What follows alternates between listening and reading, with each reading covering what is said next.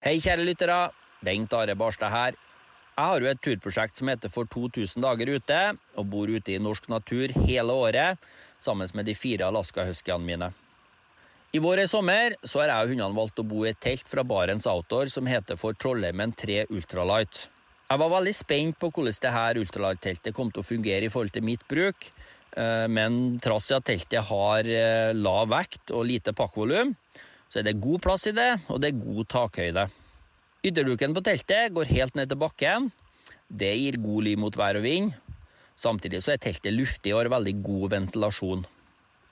Nå har jeg og hundene bodd i teltet i ca. 80 døgn, og jeg ser ikke noen sånn spesiell forskjell i slitasje mellom ultralight-serien og classic-serien.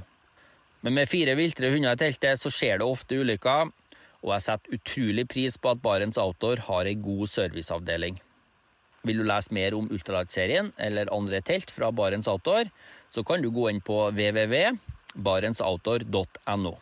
Og så må du huske på det at den første reparasjonen på et Barents Outdoor-produkt, den er bestandig gratis. Hei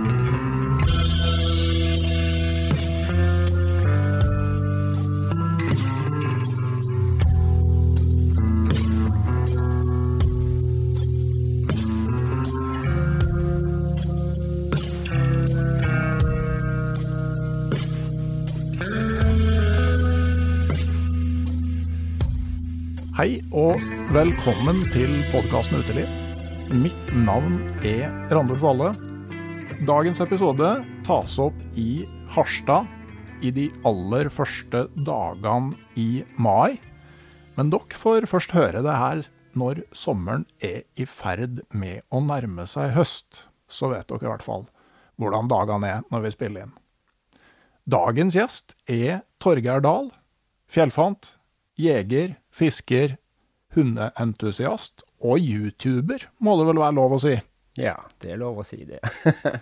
Men eh, du har vel ikke den sånn helt arketypiske profilen for en YouTuber? Det er ikke hva som er den arketypiske profilen, men jeg har nå min profil. Og det går jo mye på eh, turer i, i Nord-Norge, stort sett. Det er Troms og Finnmark det er snakk om. Ja. Og veldig ofte med hunder. Og veldig ofte alene med hundene. Ja. Nei, jeg tenkte jo litt på at du trekker vel ikke alderssnittet på innholdsprodusentene på YouTube ned? Nei, det gjør jeg ikke. Og jeg, ser også at eh, snittet på de som ser filmene mine, også de ligger sånn 50 til 60. Der ligger høyde, høydepunktet. jeg skulle gjerne hatt noen flere tenåringer.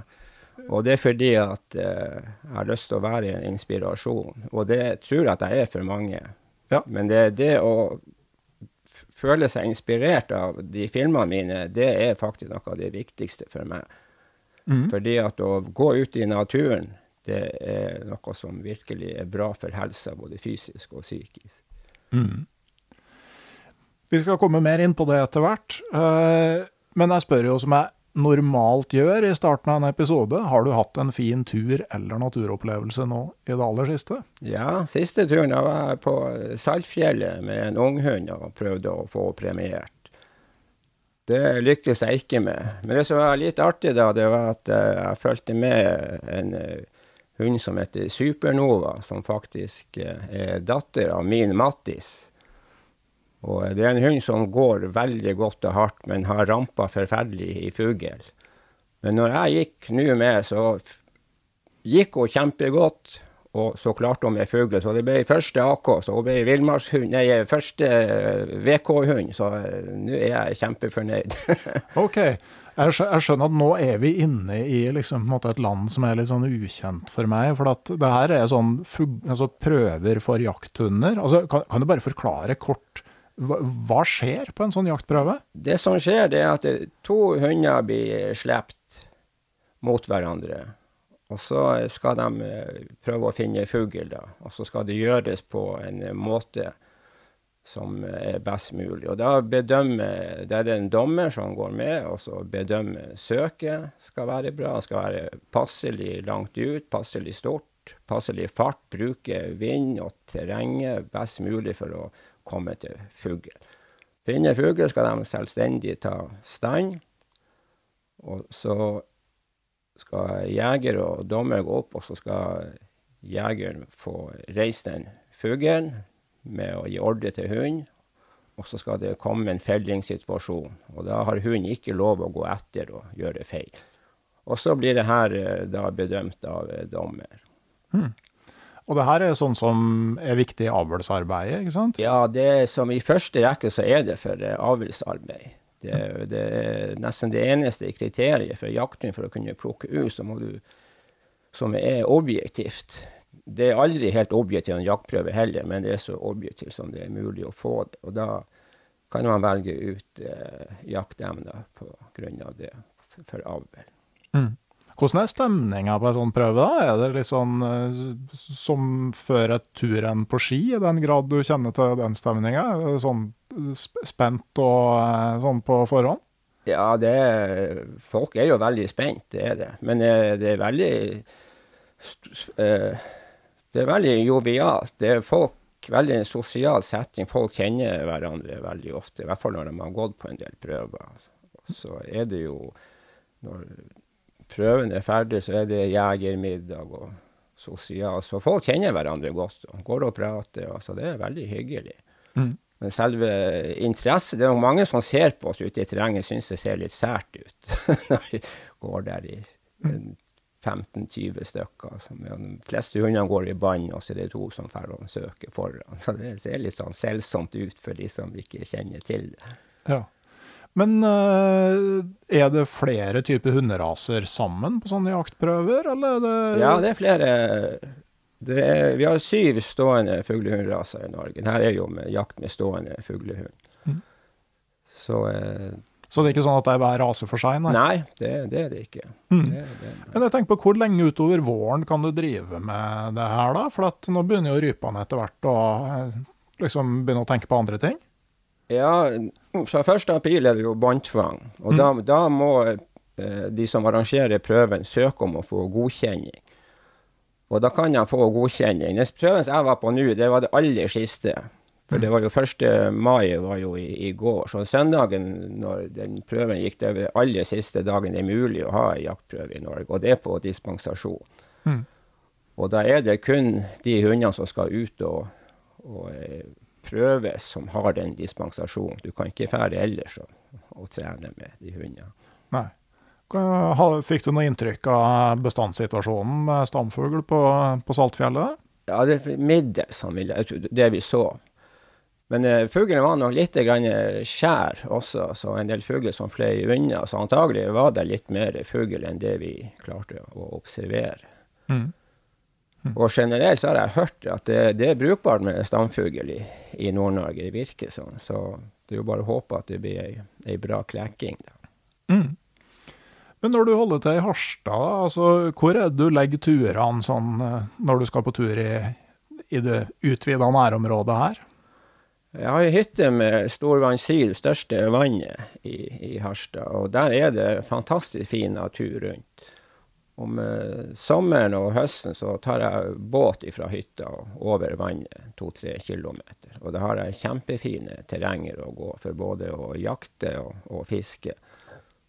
Og jeg er jo veldig mye i Finnmark, men den største ørreten har jeg faktisk fått eh, her i hjemmeområdet.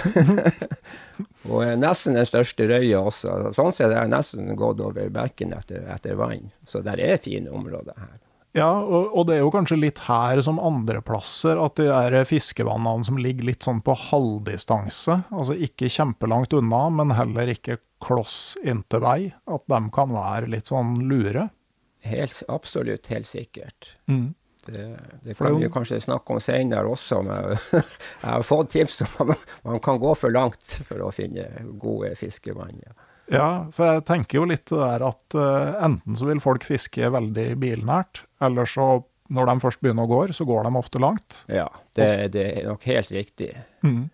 Og så ligger det et sånn belte imellom der som, uh, som kan være interessant. Og, ja. og så er det vel òg sånn med de kystnære vannene her at du får jo litt lengre vekstsesong på fisken enn høyt til fjells og enda lenger mot nord? Ja, det gjør det nok også. Det har mm. også betydning, helt sikkert. Mm, jeg husker bare i, for et par år siden, det var i Trøndelag et sånt vann som blir isfritt kanskje i starten av august. Ja. hvor jeg fikk en ørret som tydelig hadde gytt høsten i forveien, men ikke var i nærheten av å begynne å kvitte seg med farger og, og få spist på seg igjen. Som sannsynligvis bruker flere år på å spise seg opp igjen til ny Ja. gyting. Ja. Men eh, du, eh, når vi følger YouTube-kanalen din som heter Fallvin, ja, hvorfor, eh, hvorfor bruker du eh, det navnet? ja, det kan jeg fortelle. Det, jeg vet at du har vært en del på Seiland, stemmer ikke det? Jo, Jeg tror du vet hvor Flaskefjorden er? ja. Har ikke du gått på ski noe der? Jo, jeg har det, ja. Ja. Eh, jeg fridde til min Rigmor. Det var skjedd inne i Flaskefjorden. Oi, oi, oi. Ja. Hun, eh, broren hennes har hytte inne i Flaskefjorden. Og der var vi veldig mye den tida jeg ble kjent med henne. Og eh, den, eh, den hytta ligger forresten nå sånn at jeg kan kaste stein inn i nasjonalparken. Mhm. For nasjonalparken er jo kommet senere, jeg 2006, tror jeg det var. Ja. Og eh, den hytta der, den var utsatt for For det, du har jo eh, eh, Seilandsgjøken Mhm. oppå der. Og der dannes det enormt sterke kastevinder, fallvinder, som kommer ut derifra. Ja, ok. Ja, for er det isen som kjøler ned lufta? Isen sånn kjøler ned lufta, og så renner den utfor. Og du kan, det kan være helt stille og fint ut med, med Kårham lenger ut. Og kommer inni der, så det, kan det være et helsike med vindfåk. Mm. Og den dassen til hytta den er kasta flere ganger til pinneved. Så den er tjora med kjetting for å holde seg oppe der. Og jeg syns det er fascinerende over de sterke kreftene, så jeg fant jo fallvind det ville passe bra på kennel. Det, er- det er kennelnavnet mitt. Ja, ja, ja. Ja. Ok. Ja, nei, men eh, da fikk vi oppklart det. Mm. Og, og Flaskefjorden er jo en nydelig eh, Nydelig fjord, og så har du Er det Flasketinden heter den? Som, Ja, er, heter som er veldig sånn når du, når du tar hurtigbåten ut sundet, eh, så pleier jeg liksom å si litt sånn høyt at jeg har vært på Flasketind, og så Ja. tror alle at jeg er fjellklatrer. ja, ja, jeg skjønner hvor du har gått henne. Men den ser veldig spiss ut og, og skarp ut. Skiller Ja. seg ut litt der. Til og med kjørt på ski ned fra Flasketind. Ja, det har, det har jeg hørt faktisk at du har gjort. Men det er et sånn eh, Jeg tror det var han Alf Bryn med 'Tinder og banditter', den boka der. Han snakka, han var jo klatrer. Og kategoriserte fjell etter hvor bra de var. da. Og et veldig bra fjell det skulle være skikkelig vanskelig fra alle kanter. Ja, akkurat. Eh, Sånne fjell som eh, du kunne klatre opp på langs ei vanskelig rute, men som òg var mulig å bare gå opp på. Det var han ikke så begeistra for. Og, og Flasketind er et av dem, da. ja. Men jeg har faktisk eh, gått opp eh, på Nordmannsjøkelen og ned igjen eh, til, ja, mellom Gjøfjorden og Flaskefjorden, for de som er veldig eh, lokalkjent. Kom Ja. ned der på sommeren, og da var det så fantastisk vær. Det var ikke et vindpust, og det var liksom 20 varmegrader og full sol hele tida. Ja. Og det som ofte skjer da, er jo at havtåka kommer, men den gjorde ikke det heller. Så eh, det er en av de få gangene vi har blitt solbrente ved å sove ute under åpen himmel. Yes. Så det var i juni med midnattssola. ja. Eh, Så det fins sånne dager der, men de er ikke så mange. Nei, nei, det er det ikke. Mm. Men eh, ellers, altså Har du noe på en måte tilknytning til Finnmark utover at du er mye der? Ja. Eh, faren min er fra Kirkenes. Og eh, slekta til mor mi er mye i Alta. Og eh, jeg er jo vokst opp i, i Harstad, da. Men hver eneste sommer så var min sommerferie å kjøre bil. Først til Alta, og så videre til Kirkenes. Lang tur med en Mordis Mini. Trangt og jævlig. og det var en lang kjøretur på eh, stort sett grusveier.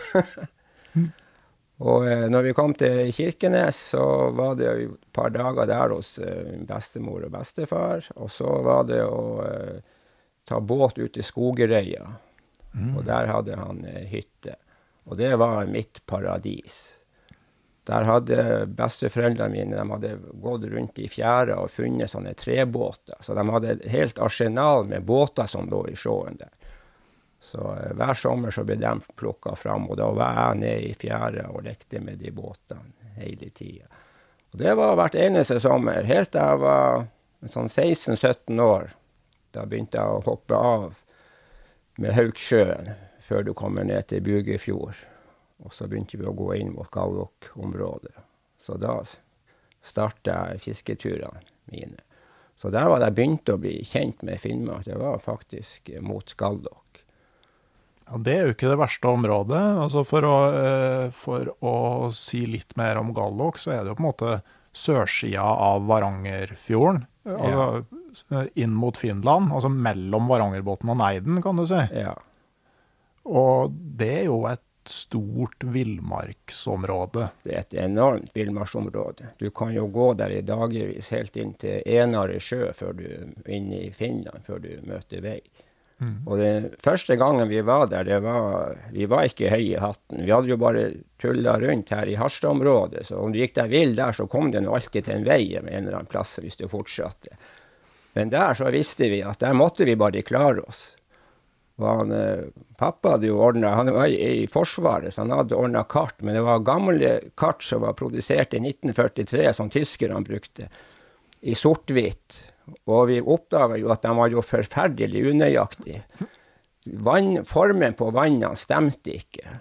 Og misvisninga, jeg tror det var en 10-11 veldig stor mis... I Harstad var jeg, jeg, var flink å orientere. Jeg sprang orientering som eh, som eh, Der gikk jo langrenn, men det var sommersporten for å holde meg i like. Det var orientering.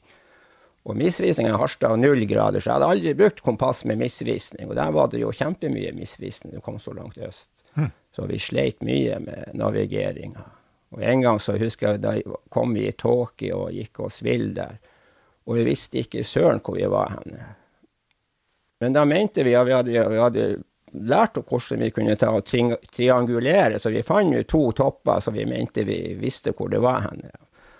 Og så tok vi oss og fant kurs, Mm. peila på til begge, og så fant vi krysset hvor vi var. Om vi gjorde det rett, det er jeg søren ikke sikker på, men uh, vi fikk nå i hvert fall motet tilbake. og vi, vi kom, kom, ned til veien dit vi skulle. ja. Uh, men uh, i hvert fall der, altså så lenge du går mot nord, da, så havner du jo ved Varangerfjorden på et ja, eller annet det, tidspunkt. Det gjør det, ja. Men ja. uh, dere var 16, ja. Hvor lenge var dere inne der? Vi var, vi var vel nesten ei uke. Seks dager, tror jeg vi var der inne. Han het Leif Bardup, han jeg for med. Bestandig Jeg husker bare regnvær med han. Han, han brakte bare skitvær med seg. Jeg skyldte på han. Mm. Og uh, det var skikkelig iskaldt. Og jeg husker jeg måtte få han til å hjelpe meg å tre på makken, for jeg var så varm på fingrene at jeg klarte ikke det sjøl. Han tålte den kulda litt bedre, så det var skikkelig dårlig vær. Men vi fikk ikke så verst med fisk, da. Det Mm. gjorde vi. Det var bra. Ja. Og så det er jo også noe å si, det var at jeg, jeg hadde jo enorm appetitt i den tida der jeg drev og, og gikk langrenn. Jeg, jeg kunne spise 18 brødskiver i ett måltid. Så en av skrekkene mine, bortsett fra å gå seg vill, det var jo det at jeg kom, kom til å sulte i hjel der inne. Mm. Så vi eh, Første leiren da hadde vi nesten på innerenden av førstevannet. Mm. Der var det mulig å krysse over, og så var det ei bukt der. Og hadde, vi hadde med oss ett garn. Mm. Og da satte vi i garnet der. Og neste morgen så kjente vi at det sprella i garnet. Og da hadde vi en syv-åtte halvkilos fisker. Blanda både ørret og røye. Og siden satte vi ikke garnet. Og da følte jeg meg mye tryggere. ja, det er en sånn periode der hvor eh, appetitten er, kan være ganske voldsom. ja. Eh, Men, eh, men, du har også bodd i Finnmark i voksen alder? Ja, jeg flytta til Finnmark for å studere i 1979. Og det var for at jeg var enormt glad i Finnmark og ville ha de opplevelsene. Og det var, det var nok én viktig grunn til at jeg ble lærer, for det var ikke mye å studere der oppe. Så jeg havna på lærerhøgskolen i Alta.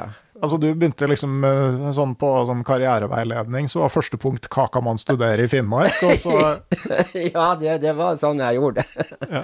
Jeg har jo en kompis med psykolog, og han sier at for, vang, for mange valgmuligheter gjør oss bare ulykkelige. Så det, det var jo sikkert en grei måte å isolere det på. Ja. Og så er det jo Det ble, har vært litt innskrenkinger i nyere tid, da, men sånn, i hvert fall sånn på 80-tallet så var jo sommerferien ganske lang. Ja, det var det. Det var tid til litt fisking fra Ja. skolen slutta til den starta igjen. Ja, ja. Så eh, nei, jeg har aldri angra på Jeg stortrives å jobbe med unger, så jeg har aldri angra på at jeg tok det, det yrkesvalget. Mm. Og jeg ser ut som jeg blir en av de få lærerne som jobber helt til de er 67 også. Ja. Nei, det er jo eh, prisverdig. Men, eh, men hvor i Finnmark var det du bodde? Bodde først i, i Alta, jeg studerte der i, eh, i fire år. Og så for at jeg Hammerfest Eller jeg var først ett år i Kvalsund kommune. Mm. De er jo slått sammen med Hammerfest nå. Og så var jeg resten av tida i Forsøl utafor Hammer. Det var jo faktisk også en annen Det var Søresund kommune. Mm. Forsøl. Ja, det tilhørte Sørøysund, da. Ja, det, de hadde, var det jo merkelig. De, de, før jeg, den skolen der den var bare to år gammel i Forsøl når jeg begynte. Og før det, så de som bodde der i, i Forsøl, de måtte pendle gjennom forbi alle skolene i Hammerfest. Og så ut til Rypefjord for å gå på skole. Og de var jo ganske forbanna for at de ikke hadde skole der. Så, men eh, den skolen var bare to år gammel når jeg kom dit, faktisk. Mm. Og der var jeg i 14 år. OK. Så da har du tassa litt rundt på Kvaløya da? Ja, jeg har det. Mhm. Og finne noen fiskevann, tenker jeg. Ja, jeg fisker en, en god del i glimmervann og forskjellige vann der. Mm. Så det har jeg vært. Ja. For min del så ble det der litt sånn du går i fella at du drar alltid bort når du skal på overnattingsturer. Mm.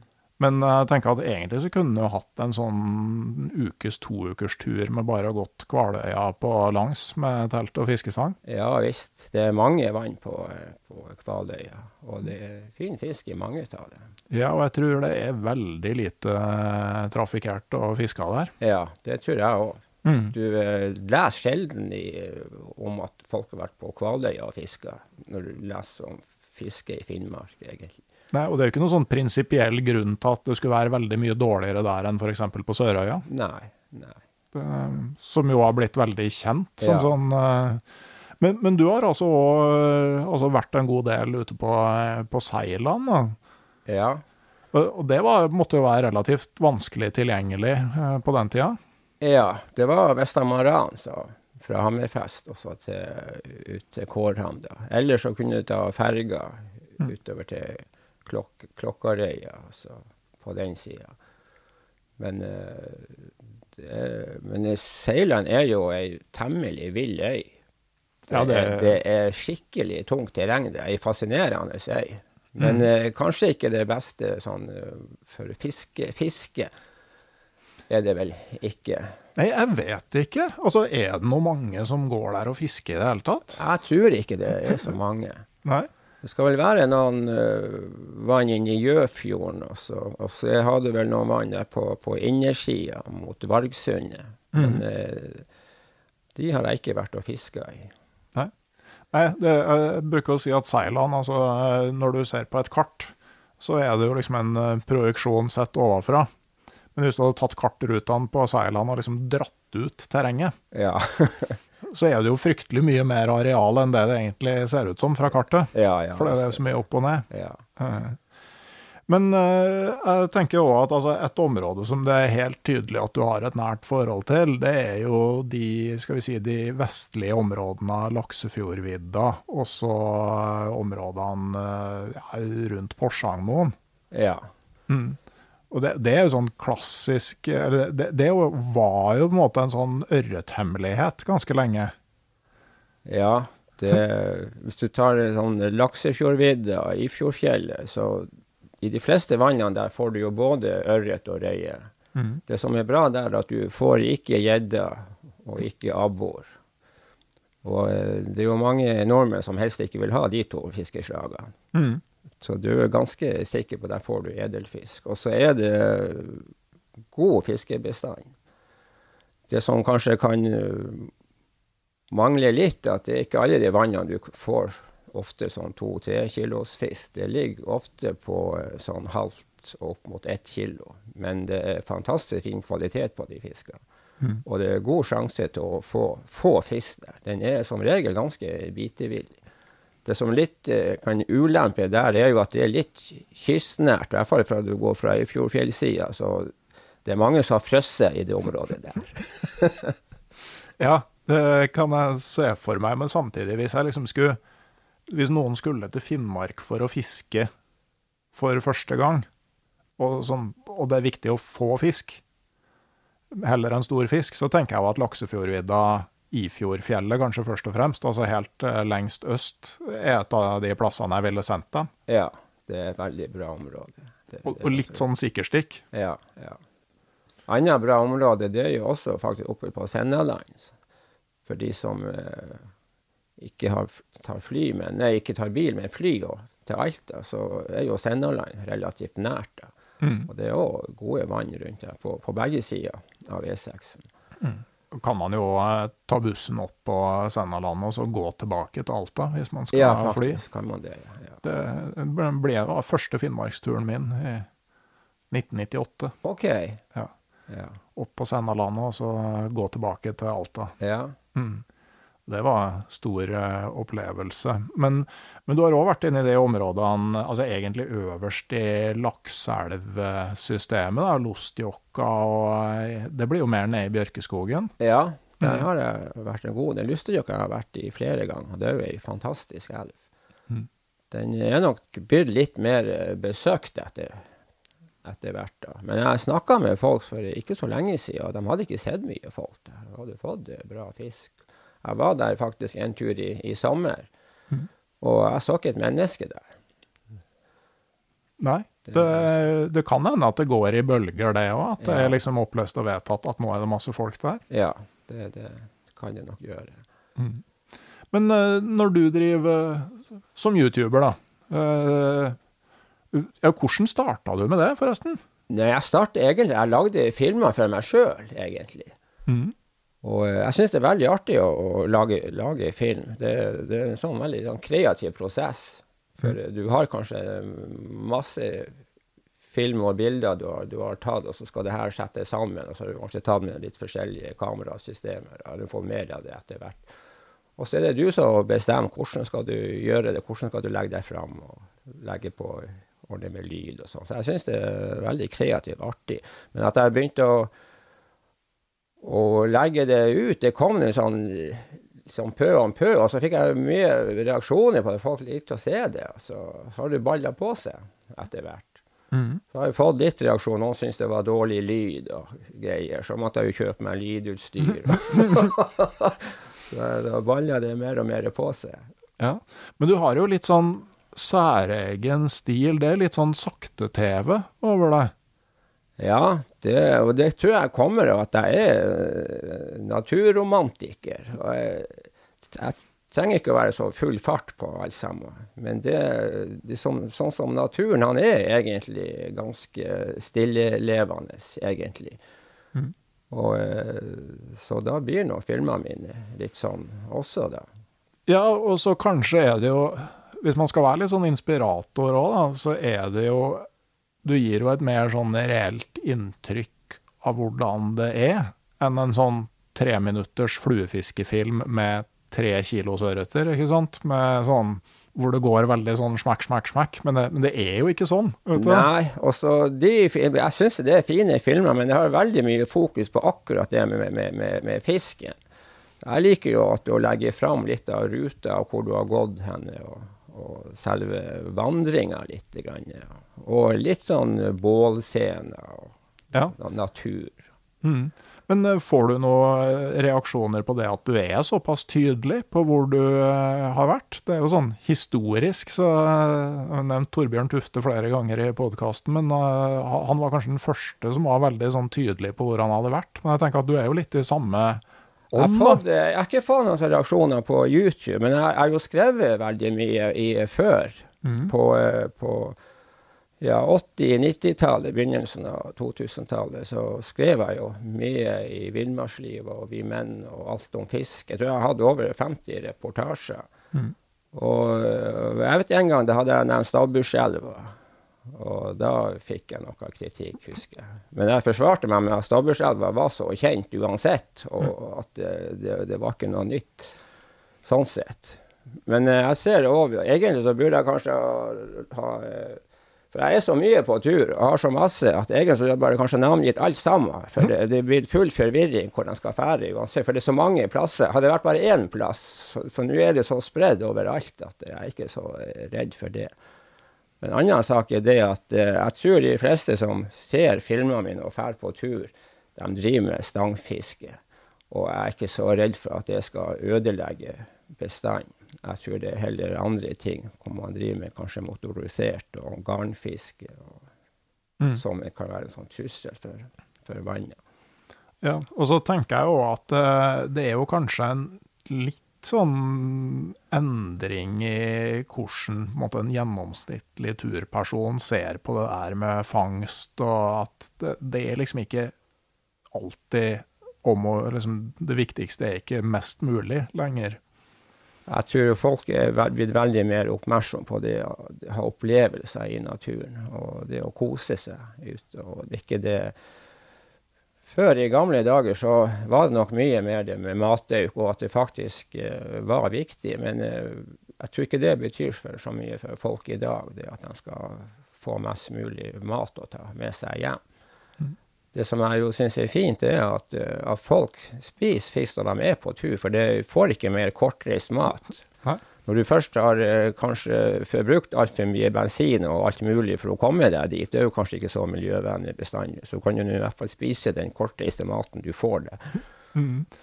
Ja, eh, jeg spurte jo de som eh, følger podkasten på Patrion om de hadde noe de lurte på, da. og så var det jo da Stian Yttergård, som jeg forstår kjenner deg. Han, eh, han nevnte noe om lavvorøyking av eh, ørret, som jeg forsto at eh, her må det antagelig ligge en historie.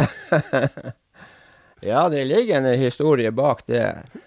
Jeg hadde, hadde en venn som gikk i klassen min på, på lærerhøgskolen, som heter Rune Laurila. Og han er den som jeg har vært desidert mest på tur med og brent flest bål i lag med. Og eh, faren hans han drev med, med laksefiske. Han, han, var fra, han var kven og, kom fra Bugenes. Og de hadde en sånn lakseplass i, i Ranvika, et par-tre kilometer med båt fra Bugenes. Jeg var med han Rune dit en gang i 1983. Da var jeg journalist i sommerjobb i Sør-Varanger Avis. Da, da visste han meg den plassen. Det var liksom eventyret for han eh, Rune å fære dit. Og faren han drev med, med å røyke laks. Så han Rune han påberopte seg han skulle være røyker, for det hadde han lært av faren sin. Det kunne han. Og, eh, så vi var på turer, så brukte vi å røykefiske i, i lavvoen. Men jeg følte aldri med hvordan han gjorde det. Det ordna han med. Jeg for og fiska og gjorde andre ting.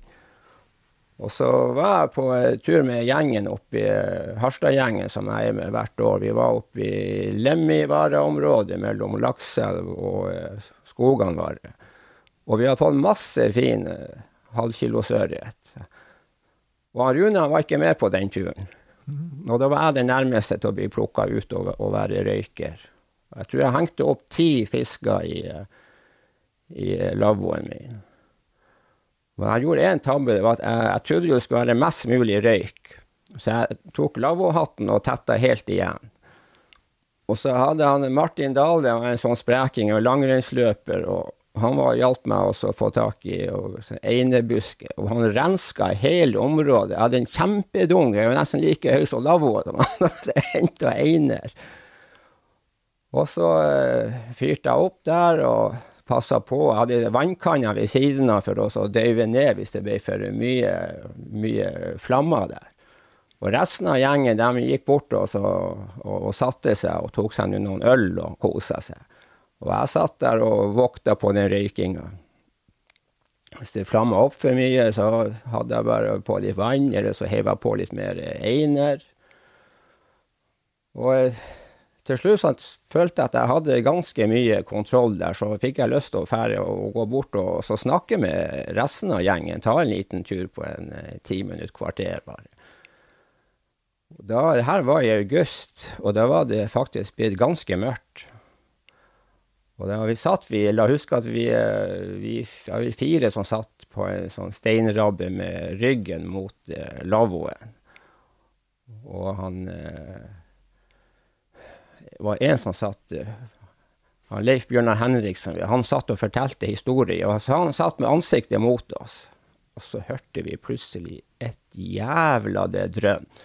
Og det var en sånn ås bakom han eh, Leif Bjørnar. Den ble opplyst. Og han Leif Bjørnar han sto med kjeften vidåpen. Og Kurt han eh, var ikke der. Han, han, hadde, han hadde, hadde, fått hodepine. Han hadde gått seg i naboteltet og lagt seg. Og han kom jo springende ut. Hva i faen som skjedde? og da får vi bort til lavvoen. Den var borte. Det var ingenting lavvo igjen, men det var en sånn, bare en sånn eh, brann i en sirkel etter lavvorestene. Mm. Og, eh, og eh, hunden sprang jo, hadde jo ligget attmed der. Han sprang jo rundt med gnister i pelsen. og så hadde vi, vi hadde faktisk en som var, var frivillig i brannvesenet med oss, og han fortalte hva som hadde skjedd. Han visste akkurat, for det som hadde skjedd, mente han det var blitt ufullstendig forbrenning, og da hadde du fått karbonmonoksid, og den er eksplosiv, sa han. Så det var blitt for mye karbonmonoksid, og så sa det pang. Og Torgeir, du kan være glad du ikke stakk hodet inn der når det skjedde.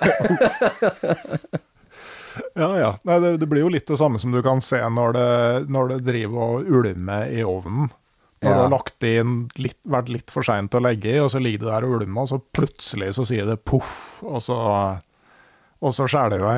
Ja, ja. Ja, det, det, hvordan gikk det med fisken? Ja, vi, vi, han så ikke ut. og Han hadde jo ramla ned, så han lå der i ringen. Men vi tok og, og, smakte på han. Den var god, faktisk. ja. Men han var forferdelig skitten og sotete. Personlig så uh, syns jeg at når du røyker med einer, så det skal veldig lite til før det bare smaker einer. Ja. Det blir for mye, ja. ja. ok. Nei, men det, det, er jo en uh, grei måte å, uh, å uh, redusere vekta i ryggsekken på vei hjem med. Ingen våt lavvo der. men, men hund er jo også en viktig del av, av turlivet ditt. Har det alltid vært det? Ja. Eller Jeg var sånn når jeg, når jeg var i tenårene, så, så, gikk jeg jo langrenn. Og i Harstad på den tida så, så var det et uh, stort sånn trekkhundmiljø som de drev på med i Harstad. Og jeg har flere, han, En av dem som jeg er mye på tur med, han drev med det. Og det var mange som drev på med det. Nå er det litt mer, mer borte. da. Det var sånn enspann og tospann. Og det var jo mye forster de brukte. Så jeg, jeg, så jo for meg Jeg var veldig lett i vekt. Ganske liten når jeg gikk. Og jeg var, det var ingen som klarte å slå meg i oppoverbakka. Så jeg fant ut hvis jeg hadde en fortsett å trekke meg, så ville ingen som slå meg på flatene heller. Og det ville være en sikker vinner. For jeg tigde jo han pappa han måtte skaffe meg en forsted. Men han pappa han tenkte langt frem at uh, om en uh, seks-syv år så ville jeg begynne å studere. Da satt han med en topptrent forsker. Det hadde, hadde, han ikke lyst til. Nei, og det er prisverdig. Og, eh, for det er jo et poeng når du skal ha hund, at du skal tenke 15 år fram i tid. Ja, ja, det er det absolutt. Mm. Men jeg hadde bestandig i, i bakhodet det der. Så eh, i 85, eh, nei 86, da skaffa jeg min første strihår. Og det var han Grums. Mm. Og han ble jo en berømt strihår etter hvert. Jeg skrev jo en reportasje om ham, men han var et, uh, han var et unikum. Han, uh, han skulle, først skulle han jo slåss med hver eneste hannhund. Det var et spetakkel og slåssing hele tida. Men han var råsterk. Og så skulle jeg jo uh, strømme han på, på sau, da. Og han var lur også. Og Strømminga foregikk sånn at hundene ble satt i bånd, og så holdt og sikra i båndet. Men sauene var jo i innhegning.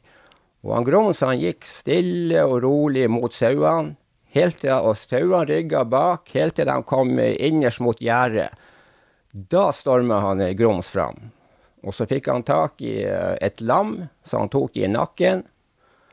Og eh, han instruktøren han trykte på det strømapparatet og trykte og trykte og trykte, men han Grums han slapp ikke det lammet. Til slutt så heiv instruktøren fra seg det her strømapparatet og sprang bort og fikk eh, tatt lammet ut. Da. Og det var jo et spetakkel. Kvinnfolkene hylte rundt der.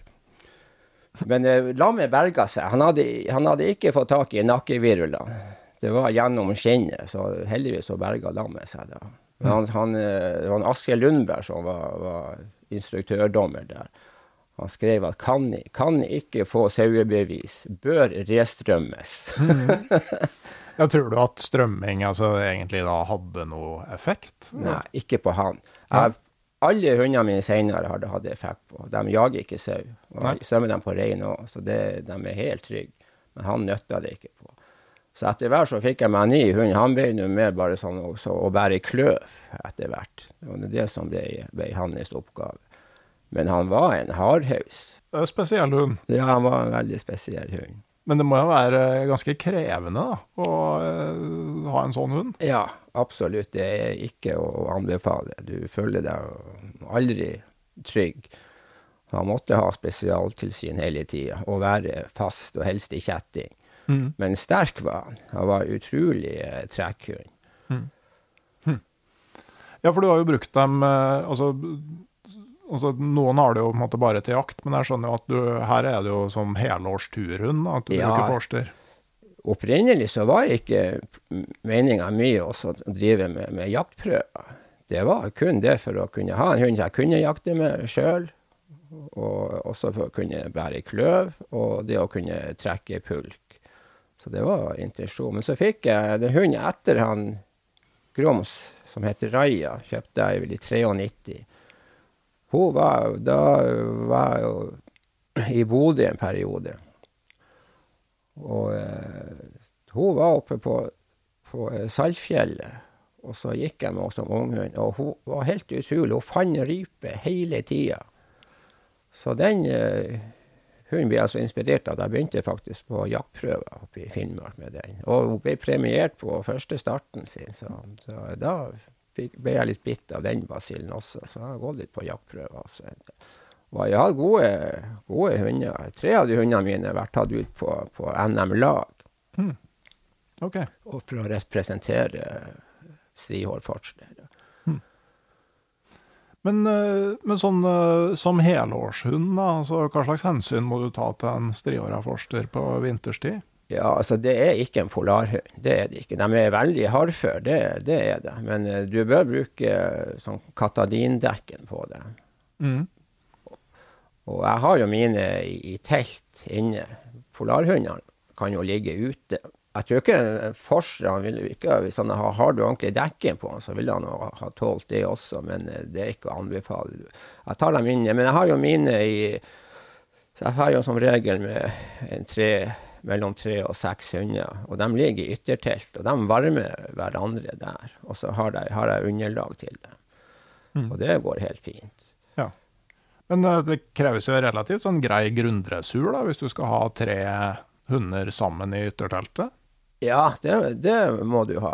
Ja. Og de er vant med at de skal ligge på kommando og, og være der, og at de ikke får komme inn i yttertelt. Jeg vil ikke ha dem inn i mitt eh, innertelt. Det er litt fordi at de går en del inn og ut, og så drar de inn med sne. Jeg fyrer også med primus inne i innertelt, og vil ikke ha en hund til å så rote der inne. Nei. Nei, og- men de er på en måte til å stole på? på Ja. det? De er veldig til å stole på. Jeg har veldig god dressur på hundene mine.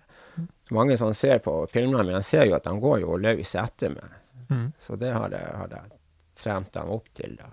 Og så er de springer ikke etter rein eller sau. Det er de strømmer på. Og det, bortsett fra den første karen jeg hadde, så har det funka helt fint på, på alle hundene mine. Når jeg jakter med dem om høsten når de kommer i rein, de bryr seg ikke. De, de jakter utenom rein. Mm. Eller sau. Ja. det høres jo behagelig ut. Ja. Mm. Men eh, det som er viktig, det er at du må ikke la dem få en positiv opplevelse med. De må passes på til de er strømmer. Mm. Og så skal du eh, heller aldri stole helt på dem før de er eh, innprega på rype. At det, det rype de har. En forsker kan jo i utgangspunktet nesten trenes opp til å jakte på alt mulig. Men når han blitt prega på at det er rype som er vilte, så, og de er strømma, så kan du som regel stole veldig på det. Men sånn med, med kløv, da, hvor mye kan en, en sånn forster bære? Det kan være sånn, omtrent halve kroppsvekta si hvis de er godt trent, og at det ikke er altfor lange turer. Hvis det er skikkelig veldig lange turer, så vil jeg kanskje si en tredjedel av, av kroppsvekta. Så eh, hundene mine ligger jo på en rundt 4-25 kilo. Så uh, en 8-10 kilo i kløven, det går, går mm. fint. Ofte så er problemet det er mer volumet, hvor mye du får oppi. Det er om å gjøre å få litt, litt sånn uh, stor egenvekt på de tingene du, du putter i kløven. Kamerautstyr er jo fint, da. ja, det eneste jeg ikke tør. jeg hadde under så batterier, blant annet. Noe det, ja, batterier kan du bruke. Men, ja. men objektivene, det, det turte jeg ikke, nei. nei. Men, men, det med filminga òg har jo liksom utvikla seg, ser jeg. Altså sånn med dronefilming, f.eks. Ja, jeg tror hvis du først skal gjøre filmene litt sånn attraktive å se, så så tror jeg det er viktig at det er variasjon i filminga. Mm. At, så der er droner veldig fin for å kunne få variasjon. Og også at du bruker forskjellige vinkler på, på objektivene dine. Jeg går jo mye da med, med, GoPro når det skal være snakk om action. Enten det er rypejakt eller at du har fisk på kroken. Mm. Men eh, det er også veldig fint å kunne variere litt med telelinse på, på andre kamera. Mm. Men, eh, men, når du da, som du sier, stort sett er aleine med hundene altså det, det, sånn Filminga må jo påvirke turen ganske mye? Det, ja, det krever det. Det gjør det absolutt. Mm. Så jeg har filminga i hodet nesten. Det blir helt automatisk. Men det blir jo en del ekstraturer da. Ja. Det, er jo veldig greit hvis jeg bare holder i sånn selfiestanger med, med GoPro-kamera. Da følger jo kameraet med når jeg går. Men hvis jeg skal filme at jeg går, så må jeg jo sette kanskje kamera på stativ, og så må jeg gå og så vase med sekken. Så det blir en del sånn ekstraslit. Det, det er faktisk mange som har kommentert at jeg orker å gjøre det. ja, for det er jo tydelig at det med filminga, det, det gir deg jo noe i seg sjøl, da. Ja, det er faktisk eh, Det er en viktig grunn til at jeg trives og drar på tur, for jeg har den fotointeressen. Mm. Så eh, jeg syns at det, det, er artig å drive på med. Mm. Hvor mange avspillinger har du totalt nå på kanalen din? Jeg har ikke gjort telling, men det er ganske mange, ja. ja. Men det er jo noen sånne rene turfilmer, så jeg begynner det å bli ganske mange. Jeg har noen av de tidlige, så er det jo en del bare sånn uh, hundevideoer. Så det tror jeg mange som blaffer igjennom for å komme til de ordentlige turfilmene. Mm. Uh, men du driver òg eh, egentlig turliv gjennom hele året? både eller fra mørkeste vinteren og hele veien gjennom? Ja, det gjør jeg. Mm. Og jeg syns mørketida er en veldig fin tid. Det som jeg savna litt i, i, vinter, hadde jeg aldri fått klaff med, med, nordlys. Men når du får stjerneklare netter med nordlys, og det syns jeg er helt fantastisk. Og det, det, er veldig fint å fange på, på film også. Mm. Får til det. Ja. Bruker du da sånne områder som Dividalen, f.eks.? Dividalen har jeg brukt mye. Mm. Det er jo fordelen med det at du har eh, med, med trekkhunder, det er jo at du kan komme deg over ganske store distanser. Så der jeg har mye for det er at jeg får den opp med Dividalen opp mot uh, Det går jo en vei opp til Dødesvann, som er der man er. Det er ofte der jeg starta ifra. For der er det jo ofte at uh, det går jo scooterløyper opp der, og også samene bruker å kjøre en del. Så ofte så er det bra spor opp der. Og så er det ikke så, så veldig bratt. Det som kan være bøygen med sånn tidlig på vinteren, det, hvis det ikke er spor og du er i skogen, så kan du ha sånn fullstendig gjennomsønking i, i snøen hvis det er sunnfrost. Da kan det være vanskelig for hunder. Mm. Det er en bra lei. Men det blir jo ganske langt. Så drar jo en del inn til Ravdo. Det er jo, det er jo over 30 km å dra inn dit. Mm. Men ja, hva er en normal dagsetappe når du har eh, forsterne for pulken? Ja, det har føre alt å si. Mm.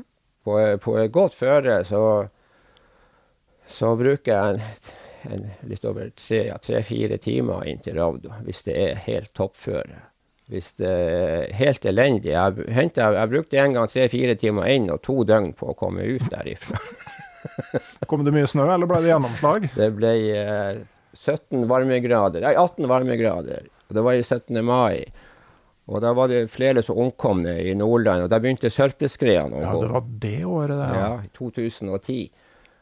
Og da eh, Da trodde jeg at eh, Jeg lå jo inne med, med Ravdo, og innenfor Ravdo du har jo Sverige ganske nært, og der har de jo eh, sånn eh, skytefelt. Så jeg hørte sånne drønn inni der. Jeg trodde det var svenske jagerfly som holdt på. Det jeg hørte, det var jo sørpeskred som var begynt å gå. Uff da. Og da begynte jo folk også å gå derifra. Og eh, da får jeg plutselig se på andre sida av Ravdo et sørpeskred som går. Det var første gangen jeg har sett et sørpeskred. Og det var så vidt jeg skulle komme meg derifra. Det skjedde så fort at det sneen. Og det var noen plasser så så jeg sørpeskred som hadde gått. Og det, det var kanskje en helling på fem-ti grader. Det var nesten ikke helling. Og det var ca. over 100 meter bredt. Og det var store blokker med snø på hver side. Og det som var Det var tatt alt løgnen. Det var bare, var bare is som var igjen etter det. Så hadde jeg stått der, så hadde jeg vært fullstendig ferdig. Og den eh, Jeg kom ned i området som jeg kom opp, og der måtte jeg bare Jeg måtte over flere elver og vasse med den pulken. Det ble skikkelig sånn jegershop-opplegg. Til slutt så måtte jeg bare gi opp, så jeg la meg i gapahuk-telt der da. Og måtte finne ut hva jeg skal gjøre. Så det jeg måtte gjøre, jeg måtte, Hvis det var en minste blå strek på kartet, så var det ikke mulig. Så jeg måtte helt tilbake, opp i fjellene. Og så følge fjellryggene. Da klarte jeg å komme meg inn.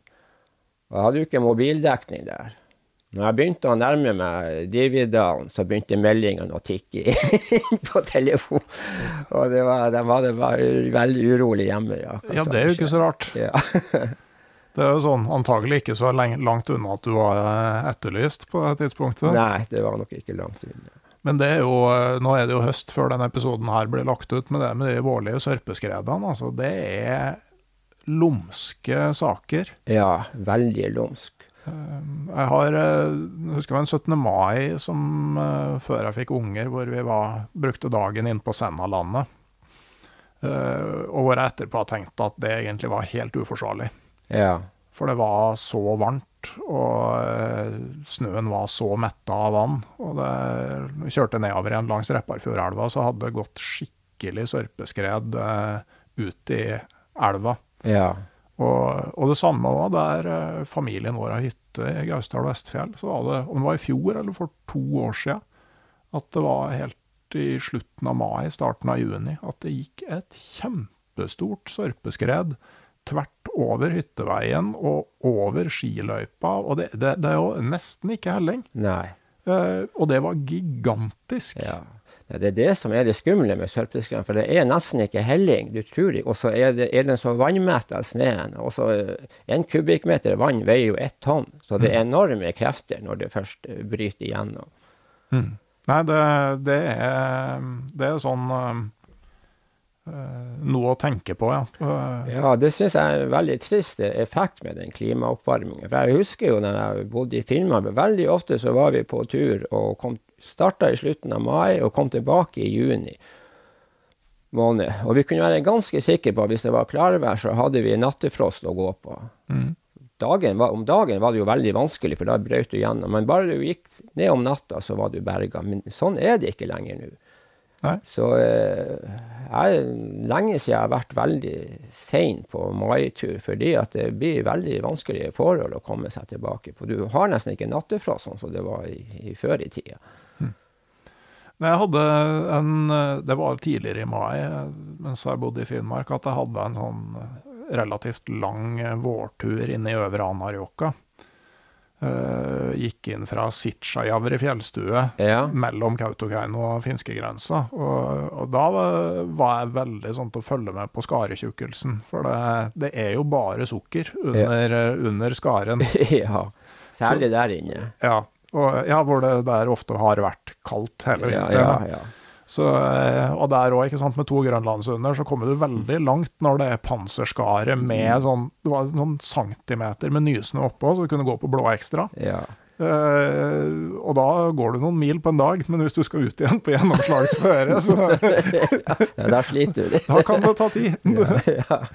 Så det er jo, eh, er jo greit å, å, tenke litt på. Men, men, en av videoene dine, Torgeir, som jeg har festa med ved, det er inne på Børselvfjellet. Hvor du snakker om at du var der på 1980-tallet. Ja. Og traff en legendarisk sportsfisker. Ja, stemmer det. Det her var i eh, 1982, så det er jo faktisk 41 år siden nå blir det til sommeren. Da var vi fire stykker. Jeg og søstera mi Marion Dahl og Harald Oppdal og, og eh, Arne. Og vi starta mellom Børselv og, eh, og Lakselv. Og da på østsida på Sjangerfjorden, og du kanskje kjørte, det er temmelig bratt opp den sida der. Mm. Så vi sleit oss opp den sida. Målet det var faktisk å fiske helt øverst i, eh, i Børselva. Ja. ikke for å fiske laks, men for å fiske ørret. Mm. Og i den tida så hadde du ikke noe PC og sånn for å se. Så vi hadde jo et kart, og den Børselva så jo helt fantastisk nydelig ut med den tjukke, blå streken, så jeg tenkte her var det jo kulper og kjempefint. Men den elva var en skuffelse, for den gikk bare i glattstryk ja. hele veien. Mm. Så der må jeg jo si at det er mer moderne hjelpemidler, så kan du jo slå på fotografi, så ser du hvordan elva egentlig er. Mm. Det var det ikke den gang, så det var litt skuffende. Men vi har, fikk en del fin fisk uh, i, i sideelv på, på vestsida av Børselva. Så var da vi over Børselva og fulgte den nedover. Og når du kommer et bra stykke ned der, så er det sånn, uh, sånn vann det blir nesten som en lubbal til, til Børselva. Men det, det har jeg vanna ende på Javri. Jeg husker ikke mm. navnet før. Og det er faktisk en fa fantastisk sjørøyeplass. Og der var det vi møtte Jens Plog Hansen. Mm. Jeg, hadde, jeg tror jeg hadde lest ei bok av han, men jeg, han har skrevet veldig mye artikler i Villmarksliv og flere blader. Der jeg hadde hørt mest om han. Og han var jo veldig kjent. Og eh, vi var der ett døgn. Og jeg skjønte veldig fort at det var han, for han prata dansk. Ja. Da, da, begynte jeg å koble sammen litt. Og eh, det var et utrolig trivelig møte. Han var der med ei dame, kjæresten antagelig. Og eh, da fortalte han om eh, hvordan han starta med, med filmen. Han kjørte jo motorsykkel ifra, hele veien fra Danmark og opp. Også, og det var Finnmark hvert år. Og han eh, var på utrolig mange plasser i Finnmark. Og han var veldig sjenerøs å, å, fortelle om områdene han hadde vært i. Og jeg husker det han, han sa et område som virkelig brant ennå, det var Astejavri. Der har jeg lagd en film om seinere. Jeg har vært der to ganger i det området der. Astejavri. Det er det blir eh, øst for Lustejokka. Oh, ja.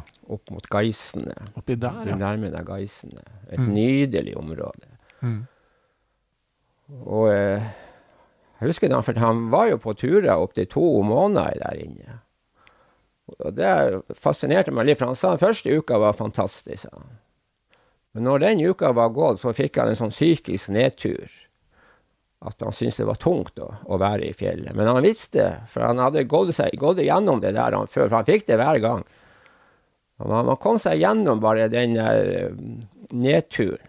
Så ble turen enda mer fantastisk. Det var liksom at han sa liksom at han smelta i ett med naturen og ble en del av naturen og virkelig kosa seg på tur. Hm. Så det, det glemmer jeg aldri han fortalte. Hm. Nei.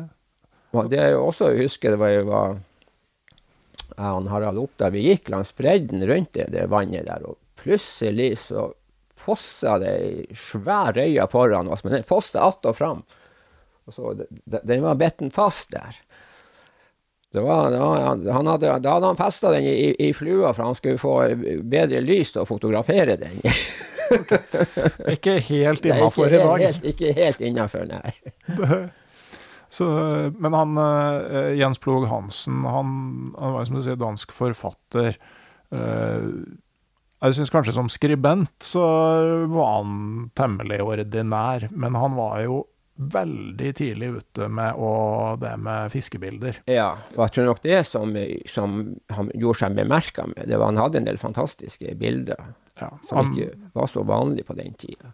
Det er jo sånn som man kjenner mer sånn, sånn type bilder som man er mer vant til i dag, da, men sånn typisk det er eh, sånn kjempende ørret tett på med vidvinkellins og fiskeren med håven i bakgrunnen, ikke sant. Ja, ja. Og så kan du tenke deg det når du, for de som er litt fotointeressert, da, når du skulle ta det der, for det første på film, ikke digitalt, så du Mm. visste ikke om du hadde fått motivet du skulle ha, så hadde Nei. du ikke autofokus, Nei. noe særlig, Mm. og så hadde du Velvia 50 ISO. Mm. Da er det mye som skal spille på Ja. lag for at uh, du skal bli sittende igjen med de bildene du ønsker, Ja. altså. Det, det er helt sikkert. Mm. Nei, vi som drev på med, med Kodakrom og Fushikrom og de her på den tida, vi, vi vet hva vi, hva vi snakker om da. Det, det er en helt annen verden i dag. Ja. Problemet i dag er at det blir for mye bilder, nesten. Ja, jeg så et sånn der internett-meme, da, hvor det var liksom avbilda liksom, eh, en sånn eh, gammeldags eh, sånn eh, seks centimeters mellomformatfilm, Ja. som ga tolv bilder. To av dem er bra. Mm. Og så var det en 36 bilders film. Sånn vanlig Dias-film. Ja. To av dem er bra. Ja. Minnekort med plass til 2000 bilder. To av dem er bra.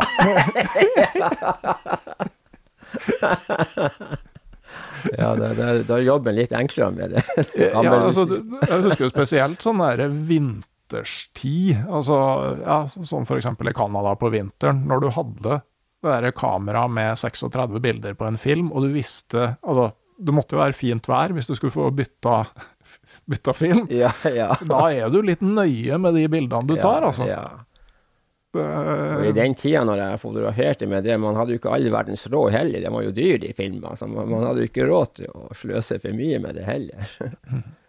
Men han, Jens Plog Hansen altså han var jo mye i Finnmark, og, og det vannet du snakker om, altså det er jo ikke lov å fiske i lenger.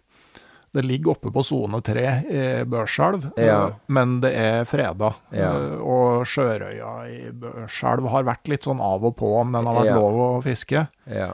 Men det er jo egentlig det som Jeg, jeg, leste jo Jens Plog Hansen, men jeg huska ikke at han hadde vært der. Okay. Men nettopp den, akkurat det området på oversida av nedsida av det vannet, det er jo en av de fineste plassene jeg fisker laks. Da. Ja, ja. Det, men det er, hvis du skal gå inn, så er det en fire-fem timer inn dit. Da. Ja, det er en lang bete inn. Mm. er Men jeg la merke til at han, han da på tidlig 80-tall så kjøpte han fiskekort for laks. Men det var ikke bare for å fiske laks, det var for å fiske sjørøye og for å fiske ørret lenger oppover i, i I Børselva. Børselva, ja. ja. Og han reiste jo ikke bare til Finnmark, altså han fiska jo ørret i Kashmir. Ja, han var jo over hele verden nesten Ja. og fiska. Sånn, bare han, han hadde hørt, at for britene drev og, sette, drev og satte ut ørret over alt hvor de var. Så han var Ja, satt ja. opp i Kashmir, oppe mellom Pakistan og India. Så der var han og fiska ørret. Og, og så var visst han òg veldig sånn sentral i å dra i gang der havfiske på Azorene, f.eks. Ja, ja. Han drev mye med hav havfiske. Ja, Det husker jeg at også vi gjorde. Han, han, eh, han inviterte meg ned til, til Danmark og fiske etter sjøørret. Men så ville han i gjengjeld at han kunne komme opp til Harstad og fiske med, med, båt og i sjøen med meg. han var veldig interessert i havfiske. ja. Det er litt av en, eh, litt av en eh, karakter. Han eh, forsvant litt ut av det og, og døde for egen hånd på slutten av 90-tallet. Ja, trasig. Mm. Det Men det Og litt sånn Det er noe med så, sånn veldig fokusert på én ting. Ja. Fiske, fiske, fiske. Mm. Eh, Det var det som var livet hans. eh. Eh. Men du har vært eh, Det er ikke så lenge siden sist du var innover i de områdene der, eh, i Børselva? Nei, det Børselva Jeg var vel eh, Det nærmeste jeg var nå, jeg var jo med i, i eh, Lys, som, Selve sommer så var jeg oppe i Børselområdet. Da kjørte jeg Da starta jeg fra Børsel, selve Børselfjellet, Mm. og, så, eh, og gikk eh, innover til noen vann der. Veldig gode ørretvann, hvor jeg fikk uh, fin ørret. Jeg var først og prøvde et rent røyevann. Som, det, det har jeg faktisk, den jeg har filmen ute nå, den siste filmen, som, som, eh, ekspedisjon Sværholthalvøya. Der var, og fikk en del veldig fin røye. Det ble påsken i fjor. Og dit, det vannet gikk jeg til først, da. Men det var nå litt for tidlig. For det, var, det lå is og kalver ute i vannet, og så var det noe feil vindretning, nordlig vindretning, så der kjente jeg ingenting. Og da gikk jeg til de ørretvannene. Det var faktisk Stian som hadde tipsa meg om det, de vannene der. Og der fikk jeg veldig fin ørret. Mm. Og dit blir jeg nok å ta, ta flere turer. Tenker du òg sånn at uh, når du har oppdaga et vann sjøl, så kan du på en måte fortelle litt mer om det enn når du har fått det av noen andre? Ja, det spørs uh, litt kanskje hvordan, uh, hvordan områder det er. Hvis jeg vet at sånn omtrent, men det er ikke alltid jeg oppgir navnet akkurat hvor det er henne. Mm. Jeg har jo en eh, film som heter The Land Behind Yuksa-Gaisa, Mm. som jeg hadde to filmer ifra. Så da må du lete litt etter en Yuksa-Gaisa. Men eh, hvis du følger med litt grann, og er veldig interessert, så vil du finne det, det området. Så det er veldig godt hinta, kan du si, uten at det er helt nøyaktig. Men jeg fikk jo noen eh, telefoner og de kunne fortelle om hvor Yuksa-Gaisa var hen. Spørs det hva som er i potten fra den andre sida, da. Det er jo den vanlige sånn bålsamtalen når du møtes i sånne settinger, at begge parter prøver å lirke et eller annet ut fra hverandre. ja, Eh, Og det er litt sånn ta og gi. ja. Eh, Men jeg har jo tenkt en del på det også. På, på noen måter så er det kanskje galt også, også, å, å si hvor det er. For det, det er stor sjanse for at du kan gi feilopplysning. For det kan hende at uh, det vannet ikke er det beste, men det er noen andre vann med attmed som jeg fiska i. Men jeg fikk bare ikke den storringen der. For det, det er sånn at skal du få den store, fine fisken, så, så skal du ha litt klaff. Ja, og jeg, jeg tror jo generelt, ikke sant, eh, over hele landet så er det veldig mye vann med bra fiske i. Eh, og så er det litt tilfeldig hvor folk er akkurat når de treffer på bøtte. Ja. Du skal ha litt grann klaff, og, og det er jo en grunn til at, den, at de blir store. De, de biter ikke på alt mulig. Skal, skal liksom ha de rette forholdene med det for å få de virkelig sånn to, tre, fire kilos karer. Ja, det jeg har en veldig ivrig fiskekompis som fortsatt har en sigar i eh, duppetuiet, eh, som ligger der i påvente av røye eller ørret på over to kilo. Den eh, sigaren tror jeg begynner å bli ganske tørr, ja. og han fisker mye. ja. Eh, Jepp. Det har vært veldig hyggelig å, å prate med deg, Torgeir. Folk må sjekke ut eh, YouTube-kanalen din. Jeg kan legge link til den i episodeinfo, så eh, går det an å skaffe seg mer inspirasjon der. Når jeg legger ut denne episoden her, så er det sein sommer, overgang til høst. Og hvis du, Torgeir, skulle ønske deg til et sted helt sånn uavhengig av alle praktiske forutsetninger. Altså, hvor ville du vært, la oss si en sein Eller en Hvor ville du vært en dag seint i august? Jeg tror nok en sent i august så ville jeg vært oppe i Lustejokka. For der vet jeg at der går det noen skikkelig store slusker. Og jeg vet også når det er sent i august, i skjømminga, det er da de store ørretene begynner å røre på seg, og da har du, har du sjansen. Så der kunne jeg godt ha tenkt å vært på en stille, fin augustkveld. Men Som lærer så er jo da skolen begynt igjen. Ja, det er akkurat det som er problemet. Men, men det er bare ett år til, så jeg er pensjonist. Det er bra. Nei, for i de områdene der så er det jo det blir såpass varmt midt på sommeren at det er enten juni eller, ganske, eller et stykke ut i august som ofte er det beste. Ja, jeg ser jo sånne mange Jeg, har jo, jeg må jo Yndlingsfisken min det er jo, er jo røya. Og jeg ser mange vann hvor det har vært begge delene. Så kan jeg få reier sånn tidlig i juli. Og så kan jeg være tilbake der litt sånn seine på slutten av juli, kanskje begynnelsen av august, og det har vært litt sånn varme og sommer. Så får ikke jeg eneste røye, bare ørret. Men så, så vet jeg jo folk som klarer å få reie i august igjen. Så jeg tror når det, når det begynner ute i august, når vannene kjøles ned igjen, så kan du få tilbake røyebitte.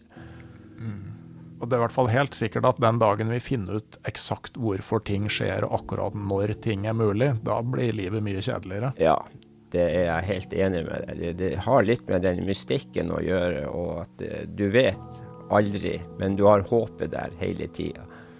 Mm. Det tror jeg er et veldig fint sted å slutte. Tusen takk igjen, eh, Torgeir Dahl. Jeg vil som vanlig takke alle som støtter produksjonen av podkasten Uteliv på Patrion. Dere er veldig viktig for å holde podkasten på lufta. Fortsett gjerne med det, og det er plass til flere. Jeg sender òg en takk til min kommersielle samarbeidspartner Barents Outdoor. Da sier vi takk for oss her i dag. Så er det bare å smøre seg med tålmodighet, for om ei uke så kommer det en ny episode av podkasten Uteliv. Ha det bra.